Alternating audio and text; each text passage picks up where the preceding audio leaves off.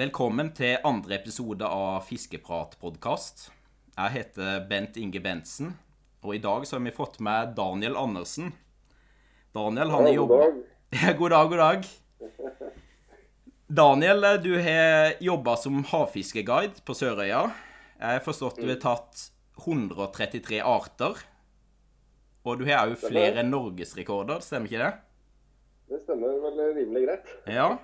Og så må jeg ta med et par storfisker òg, da. For jeg har forstått at du har tatt kveite på to meter, og både torsk og lange på over 30 kilo, da. Ja. Det har blitt et par av be- begge deler, holdt jeg på å si. Ja, ja. Så nå prater vi jo litt før vi eh, begynte med podkasten, og eh, jeg tror dette blir et luksusproblem i dag, for du er en veldig allsidig fisker. Så det er masse vi kunne prate om. Vi får, vi får høre om eh, stemninga på hva folk tenker neste gang. Om det er interessant med en sånn 24 timers artsrace her, eller det- hva dere, hva dere tenker. Ja, det var det vi snakka om, art for art. Da tror jeg det nesten har blitt mer enn 24 timer, hvis vi skulle gjort det. Så Nei, men konge. Um, først jeg lurer på litt uh, Hvem er du, og hva driver du med, som en innledning? Ja, nei, jeg er jo Mitt navn er jo Daniel Andersen, og jeg er 23 år. Eh, bor nå i Møre og Romsdal, på Vestnes. Og nå jobber jeg da i oppdrettsnæringa og som røkter, så jeg jobber en uke på en uke av. Og da kommer jo fritida til å fiske og jakte og alt man har lyst til. Ja. Det er masse så bruker- Ja, så tida Ja. mi brukes jo nå om dagen til å jakte på arter til havfiskeren, eh, som eh, er en konkurranse som nå pågår. Spennende. Nei, men da høres det ut eh, Du har go- godt med tid da, til å fiske. Ja, heldigvis. Ja. Nei, men det er bra. Men hvis vi går tilbake til starten, da, og når starta du å fiske? Og eh, det er Jeg starta jo når jeg satt i bæremeis når min far tok meg med ut og skulle fiske tryte, som vi kalte det på den tida. Ja. Det kjenner faktisk jeg til, for jeg er fra Kvitsøy i Telemark. Ja, da, da ser du det. det. Det er jo der jeg starta òg, i Telemark. Det var Ja. mitt, mitt fødested. Ja. Det har jo gått mye abborfiske i de tjerna der med dupp og mark, Ja. for det meste. Stemmer, stemmer.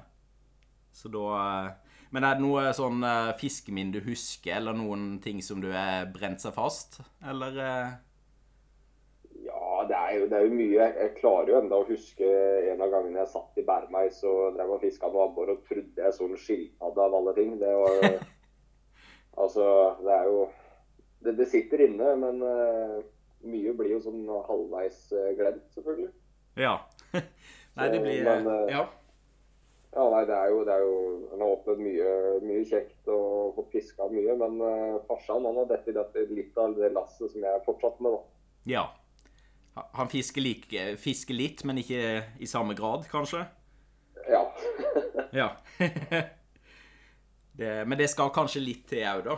At uh, Å holde følge? Ja, det, det skal jo det. det. Nå har jeg jobba i nyjobben nå i to måneder, og mange av de dagene jeg er på jobb òg, etter jeg er ferdig på skiftet, så er det jo ut og fiske. Så det Om jeg sier at jeg fisker 300 dager i året, så tror jeg ikke det er noe tull. Og det er såpass, ja. Ja, da, eh, da snakker vi Da snakker vi fiske, ja. Heftig. Ja da, det, det går unna. Ja. Men åssen var det videre, da, etter, etter barndommen? Eh, Gikk det litt i rykk og napp med fiske, eller har du alltid vært interessert, eller åssen var det? Nei, jeg har jo alltid vært interessert, men det var først når jeg ble litt eldre og begynte med artsfiske, så hadde jeg en farmor som uh, syntes det var veldig kjekt at jeg drev med fiske. Så hun, hun kjørte meg rundt og tok meg med til Nevlung havn, der jeg skulle sitte og fiske fangbrossme fra klokka var seks om kvelden til klokka var ett på natta. Og hun satt i bilen med pledd og radio og venta. Ja, tål, tålmodig, da. Høres ut som. Ja da. Og Ja. hun, har kjørt, hun har kjørt meg mye, for å si det sånn. Fra hun har henta meg i Haugesund når hun har vært i Telemark sjøl og kjørt meg til Stavanger og fiska arter der. og Ja. Så du, du starta tidlig med interessen for ulike arter, ikke bare nødvendigvis størst mulig fisk? Ja, interessen for arter var vel det som først kom. eh, og Det var jo i 2015. Ja. Så, så da ble jeg jo kjent med en gjeng fra Langesund eh, på samme alder omtrent, litt eldre. Og så ble det de ut og forelska meg jo ganske fort i arsfiske da. Mm, mm. Spennende. Så, Så etter hvert når jeg fikk meg en egen eh, moped, da var det ut og kjøre med stengene teipa fast i virvlingen. Og så kjørte jeg time tur-retur, holdt jeg på å si. Eller én vei, da. Ja. Ut, ut til Langesund og fiska der etter forskjellige arter, da. Eh, Ja, Det for har det aldri blitt Ja. Ja, nei, det har jo aldri roa seg ned, det fisket. Nei, nei men det, det er jo positivt, det, da. Og det, det er kanskje ikke alle som vet Men eh, du kan kanskje forklare Langesund fiskefestival? Den eksisterer vel fremdeles? Ja, det, jeg har jo ikke fått vært med deg så mye sjøl. Jeg har Nei. kun vært med én gang eh, på selve festivalen. Ja. Eh, men det klaffer jo som regel veldig dårlig med været der. ja. Men det er jo et fantastisk konsept og mye båter, mye folk, og alle er ute og fisker og koser seg. Og det er, eh, det er jo et race med en gang eh, folk begynner å nærme seg grensa der som du kan slutte å kjøre i fem knop. Da. Ja. Ja. Da, da går alle for full spiker og ut og fisker og kommer inn igjen med fangster og veier inn. Og, Og så er det vel litt spesielt, for det er mange havfiskekonkurranser går vel på flest antall kilo, men her er det vel veldig masse poeng på arter, at det går mest på det, da. Ja, du, får, du har en grunnvekt som du får, og så, så hvis grunnvekta er én kilo, og du får uh, fisk som er ikke under minstemål, merke, men som veier 100 gram, da, så er det 10 poeng. Ja, Hvis ikke jeg har misforstått det helt. Og, Ja. eh, stemmer. Så Så, har vi 1,1 vil tilsi 110 poeng. ja. Så de som skal vinne festivalen, de må på en måte Det holder ikke bare for store lange, da. De må gå etter ulike arter. Størst mulig fisk da innenfor hver art. Ja, de må få størst innafor alt, egentlig. Det er om å gjøre å få det, da. Stemmer, stemmer. Nei, men du hadde jo en fin, eh, fin plass å starte å fiske, da. At det Langesund virker jo å være en plass der det er en del ulike arter og et bra, bra miljø. Ja da, det var, det var kjempefint, og det var jo mye fint vær. og Jeg pleide jo ofte å dra til, eh, dra til skogs rett ved siden av der jeg bodde omtrent. Det var en 20 minutter å sykle. og jeg pleide å prøve, prøve meg på en koi som bodde oppi et vann der. Ja. Så det gikk jo en del i ferskvann òg. Litt gjedde og koi, karpe, sørøversuter. Eh, ikke av store, store størrelser, men eh, det var mangfoldet som frista. Ja, spennende. Men du, du har allerede nevnt noen som at du starta fiske med faren din, og ja Er det noen Det Du har jo fisket med mange i løpet av livet. Er det noen som du vil trekke fram som du er, kanskje har lært ekstra masse av?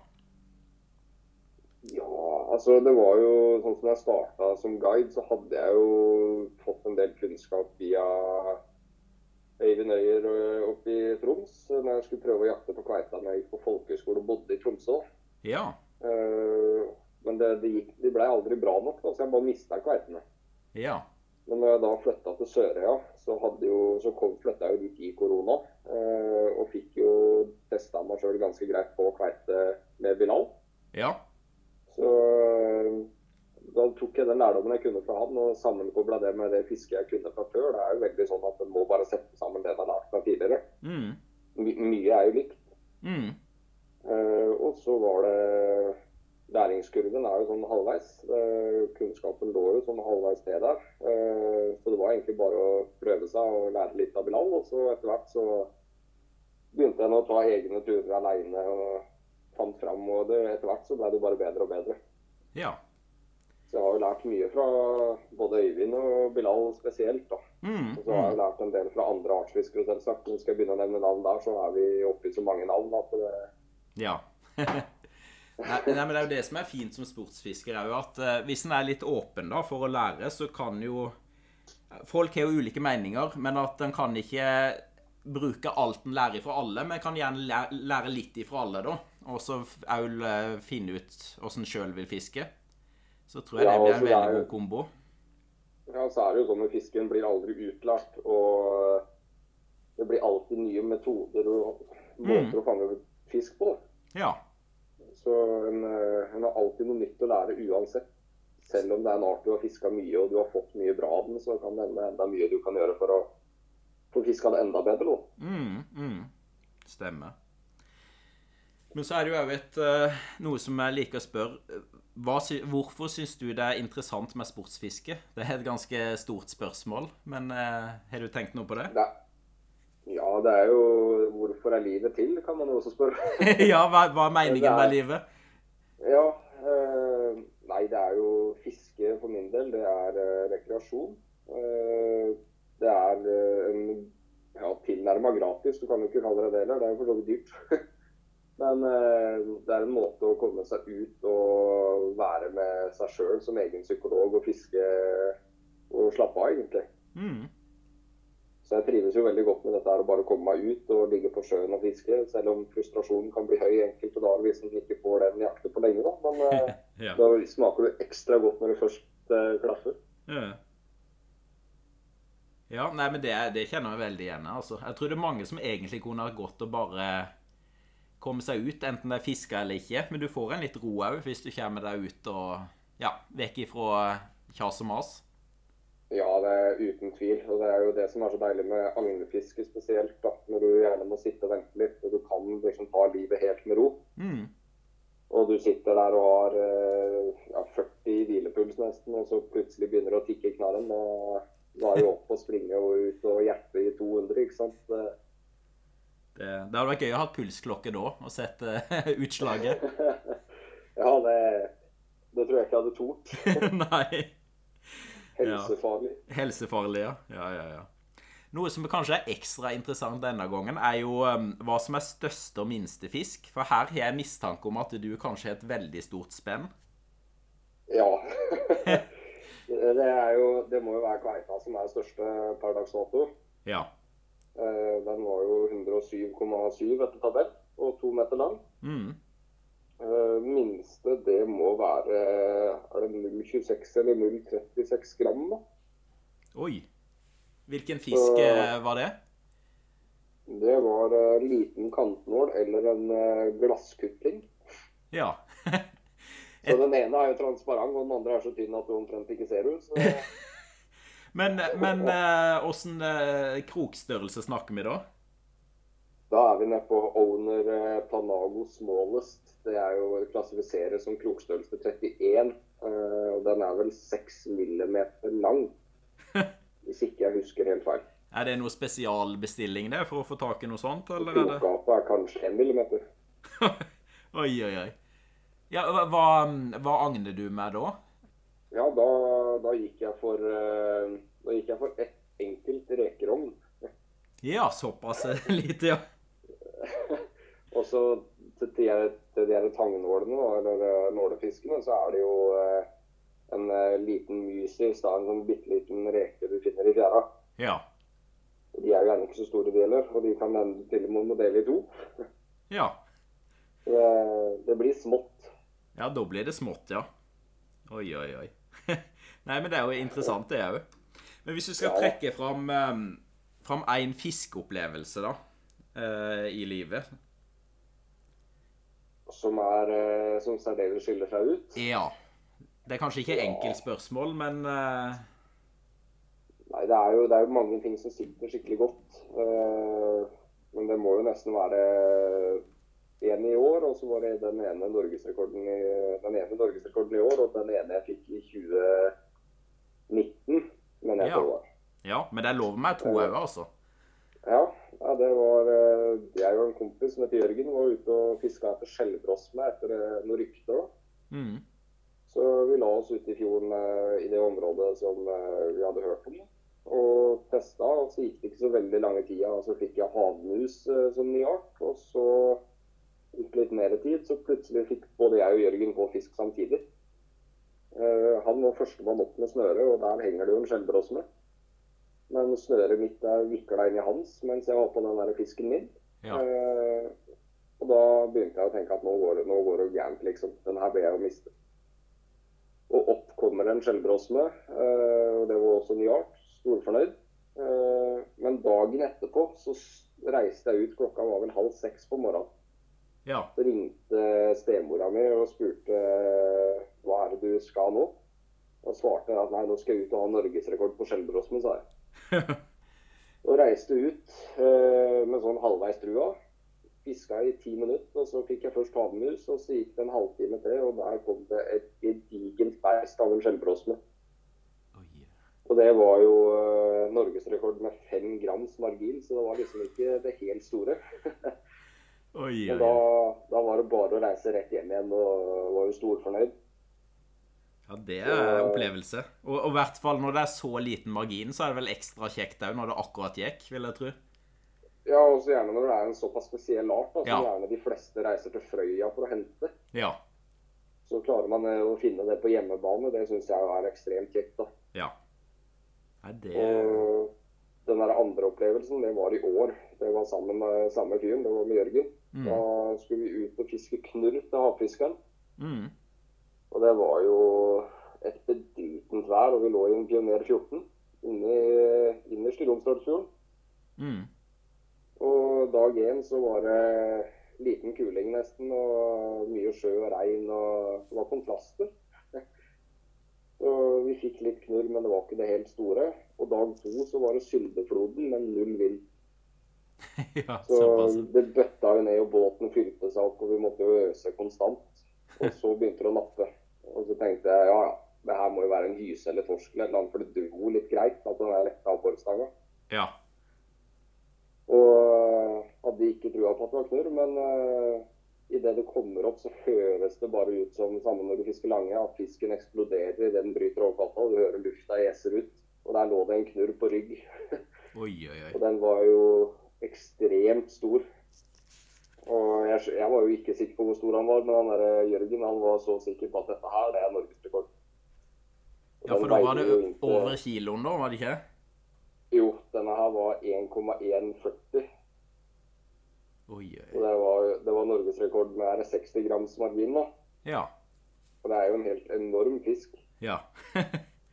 Det var, det var noe av det sjukeste jeg har vært med på. Når knurr begynner å blåse ut luft fordi den eksploderer. Det, ja, og kilo pluss knurr, det det er ikke vanlig, vil jeg tro. Det er ikke mange som blir tatt på det, den størrelsen der. nei, jeg tror jeg vet om tre mener jeg på det her som er tatt over det da, på stang. da. Ja. Eh, Men jeg har jo hørt rykter om at det går enda større inni der, så det, jeg må nesten bare gnu neste år òg, ja. Det er håp om å forbedre enda mer, kanskje, hvis en er veldig heldig. Ja, jeg tror ikke jeg skal tørre å drømme så mye om det, men eh, vært artig å ha to sånne enorme knør i fryseren. Det, ja. Nei, så blir det vel kanskje ekstra tilfredsstillende når det er den arten du går for òg, da. At det ikke bare er en bifangst. ja, det var eh, enormt kjekt. Altså, alt som er målretta, og du får det, eller får det du på en måte har lyst på, da, så er det enormt kjekt. altså. Mm, mm. Det blir en egen liten følelse av det, og en eh, eufori av det. Ja, ja, ja. Nei, men det ser jeg absolutt. Så Hæ. Eh, Har du, noe, har du en spesiell fiskeopplevelse? Enten en rar fangst eller noe annet, noen andre ting som du har opplevd? Nei jeg vet ikke hva man skal si på den. Nei. Uh, hva vil defineres som rart? Eh, det har vel vært eh, kan, Det var jo ikke noe, det ble ikke så mye fangst den gangen, men eh, det var når jeg lå på ei brygge nede på Statellet. Det var fiska på en liten flyndre midt i mørket og ei kort stang. eh, Det er jo litt sånn halvveis sentralt, kan man si. Mm. Jeg lå der og fiska og snakka til den lille fisken men som jeg ikke fikk det og ikke visste hva var på tidspunktet. Ja. Og bort kommer det ei dame bort til meg plutselig når jeg ligger der og prater med den lille fisken min og bare spør om Hei, trenger du hjelp hjem? Jeg bare Nei, jeg tror det går fint, det. og da ble jeg litt sånn der jeg vet ikke, Hun ble lang i maska, og så gikk hun. Ja. Så det så kanskje litt merkelig ut å ligge der eh, midt på natta og luse etter en fisk og snakke med den, men eh, ja. Kanskje hun skulle, skulle sette deg på en institusjon, eller uh, om du trengte litt sånn hjelp? enkelte ganger så hadde sikkert det vært beste, tenker jeg. ja. Det er vel enkelte som mener at vi sportsfiskere kunne trengt det, det iblant, ja. Ja, det er vel, men det er vel derfor vi har fiske, det er for å holde oss eh, psykisk eh, klare. ja. Det er sant.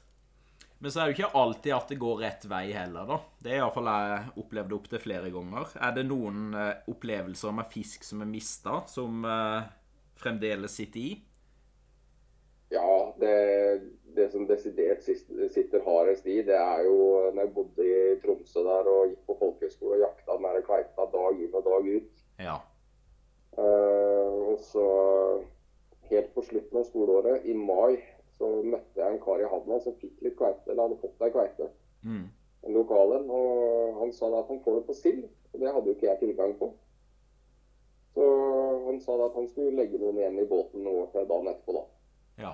Og dagen etterpå så reiste jo jeg ut aleine. Uh, uh, han andre kompisen min, Jørgen, han uh, ville være på hytta. Hvis ikke han var på tur, det husker jeg ikke helt. Ja. Men jeg reiste ut, og det var ikke lenge jeg fiska altså, før at det plutselig bare smalt i. Da sto jeg der i 20 minutter med full bøy, og fisken susa ut fram og tilbake. Og jeg fikk aldri sett henne. Jeg fikk aldri løfta henne noe særlig opp fra bunn. Men det var jo en stor kveite som jeg holdt på med i 20 minutter. Og han som ga meg silda, kom ut og tok et bilde av meg mens jeg sto der og fighta. Da. Ja. Og så, eh, rett etter han hadde tatt det bildet, så glapp fisken. Og da kjente jeg jo at det, det rakna jo. Uff. Man ble jo ikke sur eller noe som helst, man var bare sliten. Du, Mm. jo, du var sliten og glad på en måte. Ja. Men den dag i dag så er jeg veldig glad for at jeg mista den fisken, for den hadde helt sikkert vært daud hvis jeg ikke hadde Jeg visste jeg hadde fått henne opp, da. Ja. Ja. Nå er jeg er veldig nøye på dette her nå med catch and release av de større individer. Sett ut, ja. Mm. Ja. Mm. Nei, men det er sånne ting sitter i, altså. Jeg sjøl mista stor kveite, og det, det er ikke noe kjekt i hele tatt, altså. Nei, det er tungt. Det, Ja, du kjenner det jo ganske kraftig etterpå. jeg gjør det. Så eh, Oi, oi, oi. Men det var nå bra du fikk en, eh, du fikk en to meter kveite etter hvert, da. Så da eh, Ja, Da hjelper det litt. Ja. Men det, det er langt mellom de virkelig store, sjøl for, for en guide, vil jeg Ja. tro. Ja, det, det er det. Og så er det jo Vi har jo sett enorme mengder stor fisk. Ja. eh, som ikke nødvendigvis har tatt, men som gjerne også har tatt og dette av. Mm. Uh, jeg mista nok den tidenes største i april i fjor. Oi. Eller min tidenes største, da. Ja, ja, ja. Ja. det var, eh, det var på 13 meters dyp midt i april. Det var jo så grunt fiska at det og, Men jeg kroka den opp, og det blei bare bånn stopp, og så datt det av nesten med en gang. Og det, ifølge Ekko da, så var jo det en helt enorm fisk. Så den anså du som større enn den to meter kveita, da? At uh... Ja, altså vi har jo sett en del kveite til å kunne tyde ekkoa ganske greit. Ja. Uh, så vi vet jo ofte om dette her er en 50-plusser, eller om det er en 100-plusser, eller om det er en 20 kilo. Liksom. Det, Mm. det ser man jo etter hvert. mm. Så det var definitivt en som var rimelig bra stor. Om Oi. ikke over to meter, så iallfall rimelig tett på. Ja. Oi, oi, oi. Nei, det er, det er surt. Men var det såpass grunn til at du så kveita, eller var det kun på ekkoloddet du så den? Nei, vi så ikke den kveita der og da. Vi så den kun på ekkoloddet. Og rett etter jeg mista den, da, så beit jo eh, på han andre som hadde hatt agnet liggende på bunn. Oh, ja. Og han fikk jo, han fikk jo opp en 70 kilos. Så det, det var jo to store individer der, og vi så mange store individer på samme flekken den uka der. da. Oi. Ja, for det er jo vel litt sånn at det kan være enkelte Enkelte uker så kan kveita være veldig på, og kanskje enkelte uker du får veldig masse stor kveite òg. Stemmer ikke det? Jo, så er det jo veldig ofte sånn at de større går gjerne i par. Ja. Av en annen merkelig grunn. Så Ja. du, får ofte, du får liksom ofte gjerne, hvis du får én over 50-60 kilo, så får du gjerne en til. Mm, mm. Det, er- det er iallfall vår erfaring. Ja. Eh, Men du, man har så mye som spiller inn på den kveita, og det er jo algeoppblomstring. Hvis det skjer, så er det jo ingen action på kveita. Nei. Nei, det er mange ting som spiller inn. Ja, det er ekstreme ting. Altså, det er så mye at det, det er ikke noen fasit på det. Nei. Hæ. Nei, det er vel litt det som er fa- fascinerende òg, at en kan liksom aldri bli helt klok på den.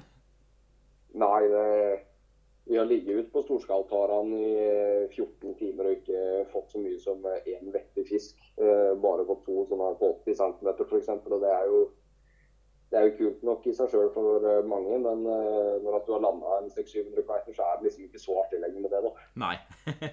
da vil du heller gå, gå for de store, så Ja, så en kan jo blanke selv på verdens beste plass. Det, mm. det er aldri noe fasit. Så kan jo òg Et annet luksusproblem vi fikk en gang ut på Storskalteren, var jo at det var altfor masse torsk. Så Ja. du kom jo ikke til bunns. Det Det var Jeg tror snittstørrelsen lå på over 10 kilo. Så hadde jo noen opp mot Søster var vel 27.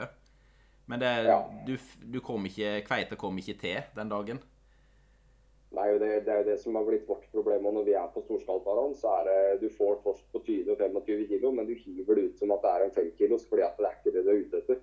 Du syns ikke det er noe kjekt, ikke sant? for at vi har jo skreifiske. Mm. Uh, og da blir det jo veldig til det at du syns det er ekstremt kjekt å bare gå etter de store torskene i mars-april, og så med en gang mai kommer, så er du så lei torsk at det, du kommer nesten på å spy, vet du. Ja. Nei, det blir, det blir litt annerledes enn kanskje folk flest er vant til, da. Du blir litt fartsblind, rett og slett. Ja, man gjør det. Så det er, det er vanskelig, altså. Mm, mm. Nå har vi jo snakka litt om ja, fiske generelt, men hvis du skal komme med et fisketips, eh, hva tenker du er den største feilen folk gjør med fiske? Største feilen må nesten være å bare bruke. Ja. Eh, jeg, tenker, jeg tenker jo det at eh, hvis du skal prøve å trigge de forskjellige sansene, så er det jo syn, lukt og lyd.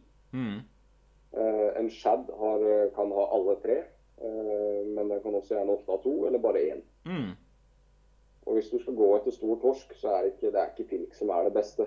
Da vil du få en del smått, og du kan kroke mye små sei, og, og slikt unngår du gjerne ofte ved å gå med shad. mm, mm. Men bruker du og, luktstoff eller gulp eller noe sånt i tillegg for å få den der luktbiten, eller?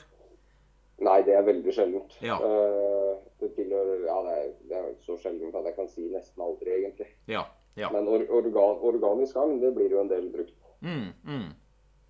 Stemmer. Så det er jo det man bruker til lange, skapende, drosme, ja, lysing. Mm, mm. Så Nei, men det er et godt tips. Uh, og, um, og ikke bare bruke svenske pilk og gummimakter, men tenke litt eh, på jigg og, og litt annerledes. Ja, hvis, hvis man vil øke snittet sitt, så er shad eh, definitivt det som vil gjøre at du øker snittet. Mm, mm. Stemmer. Eh, hvis vi går videre til utstyr og sånt, da, hva, hva tenker du eh, Er det viktig å ha bra fiskeutstyr? Trenger det å koste masse? Hva, hva tenker du eh, om det? Nei, det trenger jo egentlig ikke koste så mye. Eh, Det viktigste er at man må tenke at eh, kjøper du dårlig utstyr flere ganger, så blir det dyrere enn å kjøpe ett OK sett med en gang. Mm. Så om man legger 2500 i det, så er ikke det den største krisa. Det har jo de aller fleste råd til hvis man bare sparer eller, eller prioriterer det. Mm. Og til 2500-3000 så har du en ganske grei, snell og god stang. Så jeg tenker at det viktigste er å kjøre på med det, og så kjør på med flettaline, ikke monofilament. Mm. Det er Det kan jeg si meg veldig enig i. Og jeg pleier å si Ja. det at eh, at ofte, Hvis du tenker ørretfiske, da, så er det jo eh, Prøve å unngå det der aller billigste. Men du trenger jo ikke gå på 4000-5000. Men hvis du legger deg mellom 1000 og 2000, da, for, eh, eller mellom 1500 og 2000, så får du ganske bra stang, snell og snøre til kan ha i mange år. Ja. Det gjør man. Det finnes jo masse ferdige sett som har uh, flettaline og ei god stang med godt spenning som du får hive langt med. Mm, mm. Og det er jo det som er fordelen med den fletta lina, at du hiver jo mye lenger enn det du ville gjort med monofilament. Ja. Og ikke minst tilslag òg. At du Det er mye lettere å kjenne Kjenne når du får napp og setter skikkelig tilslag og ja. Ja, Følelsen har generelt. alltid, alltid agnet, Mm. eller eh, sluken, eller hva det enn skulle være. Ja.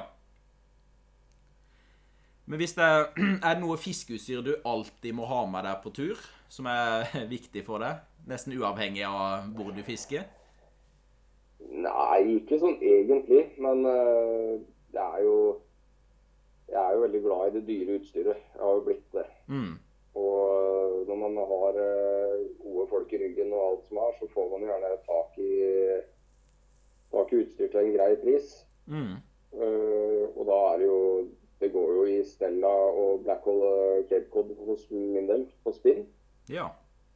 Uh, det er jo noe jeg alltid må ha med om jeg så skal fiske lyr eller om jeg skal spinnfiske kveite. Mm. Uh, og når jeg fisker kveite med conventional, da, så går det kun i Maxell og Jigstar som regel. Ja. Og det gjelder jo for så vidt også til stor torsk. Stemmer. Nei, jeg har jo Ja. Ja, jeg er veldig glad i de her McSell-snellene. Mm. Du har så, det, er så, det er så små, lette sneller med god uh, snørrekapasitet og gode håndtak, og alt er bare ypperlig. Mm. Nei, jeg har ikke fiska med Maxell-sneller, faktisk. Men uh, jeg har jo den der Jigstar Phantom, ja. som virker veldig god. Og òg noen av det her Black Hole-stengene. Og det er jo Jeg brukte dem på Yellowfin tuna òg, og det er jo nesten uknekkelige. Det er ganske imponerende hva de tåler stangbøy. Ja, jeg har prøvd, jeg har prøvd mitt ytterste å knekke den der ene Black Hole Cape Cod-stanga mi. Eh, da hadde vi 0,35 braid på Bilal holdt igjen i snøret, og jeg spente stanga og highsticka, men eh, lina sleit før stanga knakk, så endte jeg opp med et svært blåmerke midt i ansiktet. Såpass, ja. så det, det, er stenger som tåler alt, altså. Det er det. Og så er det veldig behagelig å fighte med, siden det er hele aksjonen, syns jeg. At du sliter deg ikke ut. Nei, du får eh, Det er liksom eh, kraft mot kraft. Du får, løft, du får løftekrafta tett på kroppen, som gjør at det ikke blir så tungt. Mm. Og det syns jeg også er særdeles viktig. Da, at du ikke har en 7,5 eh, fot stang og all vekta henger helt ytterst i stanga. Mm. Da blir det fort tungt, iallfall med stor fisk. Ja. Så, jeg, går, jeg, går, kun for 5-6,5 fot stenger på kveite- og torskefiske. Mm, mm. Sjelden opp mot 6,5, men ofte rett over 5 i alle fall. Ja, stemmer. Stemmer. Um, og så kommer jo òg en litt utfordring. Hvis du skal på en måte trekke fram én ting, da en, Enten sluk, spinner, pilk, jigg Som du vil tipse folk om, da. Hva, hva vil det være? Det være så enkelt som uh, Savage Gear Sanddeals, da. Det, det, er jo det absolutt beste til spinnfisk etter kveite og gyr. Ja. Og gjerne også sei, for så vidt. Ja, ja. Så det er jo noe det går mye av her i huset, da. Ja.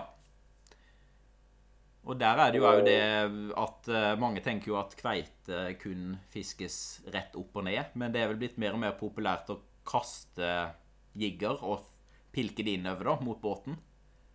Ja, jeg, jeg, pleier bare å hive ut. og Når vi driver og fisker magn, så har vi to stenger eh, Hvis vi er to personer, så har vi to stenger magn, og så står vi i hver vår ende av båten og hiver til siden av for å trekke inn mer fisk. Mm, mm. Den fisken som ikke tar på det som fiskes aktivt, den vil gjerne ta på det som tar passivt. Ja, Nei, men det er et så, godt uh, tips. Ja, så det, det har funka veldig godt for oss også. Ja, ja. Stilig. Um, og så er Spørsmålet er jo um, Tenker du at det er viktig å, å, variere fiskemetoder og tenke litt ut av boksen som sportsfisker? Eller er det mer at du kjører på det faste? Nei, Det kan jo hende at jeg ofte kjører på det faste sjøl. Uh, man blir jo veldig vant til at hvis du har lykkes med én ting, så blir det jo å fortsette med det. Mm. Det er jo, Hvis du lykkes med spesial kobber og rød etter ørreten, så er det jo gjerne det du fisker med, og så har du ikke trua på lilleauden f.eks. Mm, mm. Så det kan for all del være lurt å variere, men hvis du vet hva som funker òg, så er det jo veldig greit å fortsette med det. Mm. Helt til den dagen det ikke funker. Da må du prøve litt nytt. Ja. Nei, for det er nok lurt. Og du starter ofte med favorittslukene, da. Og så hvis det ikke biter, så prøver du gjerne litt, litt andre, da, i slukskrinet. Ja, og da har man plutselig en ny favoritt. ja. det blir det. Og så blir jo ofte Det du tar mest på, er jo det som er Det fisker mest med òg, da. At det er noe med det òg. Ja, da, du får det du fisker med. Mm. Du får på det du fisker med. Så det, det, det henger noe i det der. Mm. Det er jo en del som tenker om eh, sportsfiske at eh, det stort sett bare handler om flaks. Hva, hva mener du om det? Ja Jeg vil, jeg vil jo egentlig ikke si det. Eh, for hvis det står to personer i en båt og fisker med skjebb, så kan det være såpass mye teknikk som ut, eller skiller at den kveita velger alltid å gå på den andre skjæren til han som er flinkest med det. Mm. Eh, og Det gjelder jo også plassering av vagnen i forhold til skrenter eller eh, noe sånt. Du fisker jo ikke brosme på 15 meter over bunnen med et slep som bare henger der oppe, f.eks. Mm. Du vil jo heller gjerne ned på bunn. Mm. Så det er, det er, jo ikke bare flaks. Men uh, hvis man er to stykker i båten som fisker på eksakt samme båte, og den ene store individet kommer på den ene stanga, så er det jo, da er det jo flaks. Det kunne jo skjedd hvem, hvem som helst av de to, da. Mm. Og jeg vil tro at som artsfisker så prøver en kanskje å eh, luke ut mest mulig flaksbiten, da. At en prøver å på en måte lese seg opp på metode og alt mulig sånne ting. Ja, gjerne hva den beiter på, hvor den er, bygde og habitat. Mm, Og da blir, da blir du gjerne mye mer spesifisert i forhold til hva du går etter. mm, mm. Og Det er jo egentlig en fin overgang, for vi har mm, fått inn noen mm, spørsmål fra en lytter som heter Christian Silde. Det han lurer på, er mm, hvordan går du fram for å finne informasjon om nye arter, eh, hvor du skal finne dem, og hvordan du skal få deg på kroken? Ja, dette her er jo Når du er aktivt uh, med i artsfiskemiljøet, da, så det, blir det veldig ofte delt fort uh, om det kommer en ny art, eller om noen får en ny art. da. Mm, Uh, og det er jo veldig mange som er delevillige på nettopp dette her med hvordan de fikk den. Og det er jo sånn man lykkes overall. ja. Det er jo at folk deler sin kunnskap og hvordan de fikk den, dybde og alt slikt. Men det er, jo, det er jo aldri noe Det er ikke noen regler uten unntak heller. Mm, Men uh, det er jo gjerne på nett man henter ut sånn informasjon. Uh, man kan jo være så heldig som å bare ligge i fjorden og pirke etter sei pelagisk, og så får du en engelsk svartfisk. Da har du jo ikke knekt en kode, da har du jo eventuelt bare flaksa, ikke sant. ja. Uh, Så da kan man jo ikke på en måte si det at ja, sånn her gjorde jeg det. det. Er det som funker. Det blir veldig vanskelig sånn. Mm, Men hvis man ser at noen har knekt en kode på eh, liten fløyfisk, ja, den tar på børstemark på en eh, størrelse 12 krok over mosquito eh, på 10 meters vann da, inne på ei strand, så kan jo det være en start. mm, mm. Da må man jo bare prøve det og se om det funker, da. Ja, ja. Så har en et siste spørsmål òg. Hvilke arter har vært verst og kjekkest å fiske på? Oi. Verst det må nesten være breifladden, som jeg aldri har fått. Eh, Men eh, best Nei, jeg vet ikke. Jeg har, eh, Hjertet mitt eh, brenner for havålfiske på høsten. da. Ja. Det må da være noe av det beste jeg veit. Det er jo bare å sitte i bilen eller sitte ute og grille seint på kvelden på høsten. Og så sitter han bare og venter på at nattvarsleren skal begynne å skrike til. Ja. Ja. Det, Stemmer. de, de fightene der, det er uh, ulikt noe annet. For du lar den ikke ta noe snøre. Du skal få det opp fort som fy, og får den festa halen rundt en stein, så er kampen tatt. Ja. Nei, for det er jo litt, du kunne kanskje fortalt litt mer om havhvalfiske? Det har vært interessant, og det tipper jeg er noe som de aller fleste ikke kjenner til, da. Ja, det er, jo, det er jo veldig mange som ikke fisker det. Er jo gjerne de artsfiskemiljøet som uh, går etter det. Mm. Eh, Men det er jo et ekstremt tøft fiske eh, der du virkelig må ha utstyret på spill. Eh, Eller du må ha rett utstyr. Mm. Kraftig nok. Mm. Eh, Og det, man trenger ikke gjøre det så dyrt det heller. Men så lenge man har en baitrunnersnelle, en kraftig surfstang eller meitestang av et eller annet slag, Mm. Så er det å stå fra land i bratte skrenter eller eh, der som det har vært veiarbeid og utsprengninger, sånn at det er mye stor stein nede på bunn. Mm. Og vi fisker jo på alt fra 20 til 50 meter når vi fisker alvor. Ja. Og da bruker vi en eh, 10-0 eh, catfish-krok, et slep og en halv makrell. Og så er det særdeles viktig da, når du fisker på sånne bratte plasser med mye stein og bruker gjerne flettaline, så må man ha en del da. Ja. Så vi, vi bruker jo ti meter med sjokkfortom. Og da er det ikke noe 0,40 akkurat. Det er vel rimelig tjukk fortom, vil jeg tro. Ja, vi går for eh, 0,90 til 1 mm som regel. Ja. ja. Så det holder, det, altså, at en uh, trenger ikke enda Ja, mer på, for, sjokk, på sjokkfortommen så holder det. Ja. Eh, på bitefortommen så har vi eh, Eller i fjor så begynte vi å teste med sånn tuna-mono på 2,8, eller 1,8 var det kanskje. Oi. Ja, da begynner det å komme seg, ja. Ja, og eh, kroka jo i en svær avhold, og den tok jo bare én hoderistning, så sleit den av eh, 1,8. Oi. Så eh, nå skal vi begynne med vaier i stedet. Og det funka jo for så vidt greit i fjor, så lenge vi hadde vaier. Ja. Så eh, Så han, ikke, han blir ikke sky når han har vaier, at uh, han biter likevel? Ja, nei, den biter uansett. Han finner Ja. barragene, og så tar han tak og suser av gårde. Ja. Stemmer. Så når du da skal sette kroken, så er det om å bare ha stødig fotfeste i steinura, og så lene seg bakover mens du pusher opp fisken. Eh, du ligger og lener deg bakover uten å falle. Det er rimelig brutalt fiske, da, dette her. Ja, det er noe av det artigste fisket, og du kjenner det i ryggen etterpå. og Det er det som er litt artig. Ja. Men åssen Hva er persen din på Havål? Persen min eh, i dag, den er 22 kilo. Ja. Ja, det er Så har stort. så har jeg mista to, nei, tre som er større nå. Ja. Så eh, målet for høsten får vel bli å få en større en. Bikke 25. Men norgesrekorden, da? Hvor masse snakker vi om da? 36,2, hvis ikke jeg tar helt feil. Ja. Så det er jo Du er jo ikke så langt unna, da, egentlig. Selv om det kanskje begynner å bli er færre veldig- på den størrelsen der. Ja, Det er veldig langt inn der, altså. Det er det, ja. ikke, det, er ikke, det er ikke mange 20-kilosfiskene en lander i løpet av sesongen. Liksom, sånn. Det er ikke nødvendigvis at den lander en eneste igjen. Nei, stemmer. Eh, Men eh, han som har norgesrekorden, har jo definitivt knekt koder og får jo mye stort. Så ja. det er vel rett sted til rett tid, som regel. Men da er det ikke snakk om I den engelske kanalen så er det vel tatt Jeg vet ikke om det er tatt på sportsfiske, da, men det har blitt tatt havål på over 80 kilo, er det ikke det? Ja, det kan hende. Eh, Det har fått tatt noen helt enorme hundfiskere der nede. Ja. Ja. Så, men her i Norge så er det vel snakk om det at de store havålene de trekker ut og sørover til Saragossa-havet, mener jeg på, Ja. og gyte. Ja. Så da De stikker vel når de blir en viss størrelse. Stemmer. Stemmer.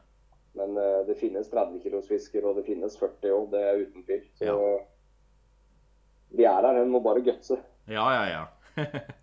Heftig. Nei, men det er spennende fiske. Eh, Men da er det hovedsakelig på høsten, da? Eller er det hele året du kan fiske, eller åssen er det? Nei, noen steder så kan du fiske tidlig på sesongen òg. Jeg ser jo noen fisker jo etter i februar, mars, april. Ja. Eh, mens vi har begynt å fiske det litt på sommerstid, til og med på dagtid. Eh, Ja. Det er jo som regel natta det her foregår. Mm. Men vi har fått bra fiske på dagtid òg, så vi begynner med det tidlig på sommeren på dagtid. Og så når høsten nærmer seg, så begynner vi utover kveldene. Da. Stemmer. Ja, nei, men det er spennende. Dette Ja, dette det er det artigste fisket jeg har eh, her på Møre, mener jeg. ja. ja, men det høres heftig ut, altså. Jeg har hørt, an jeg har hørt andre som jeg snakker med som har fått det, de sier jo at det er Du glemmer ikke det med det første, for å si det sånn, hvis du har fått en havvoll. Nei, den, du kjenner den kampen, og du, du har så lite du egentlig skal si mot den fisken at det En må bare være forsiktig og passe fingre, og en må ha full brems og pumpe det opp fort som fyr. Mm, mm. Heftig.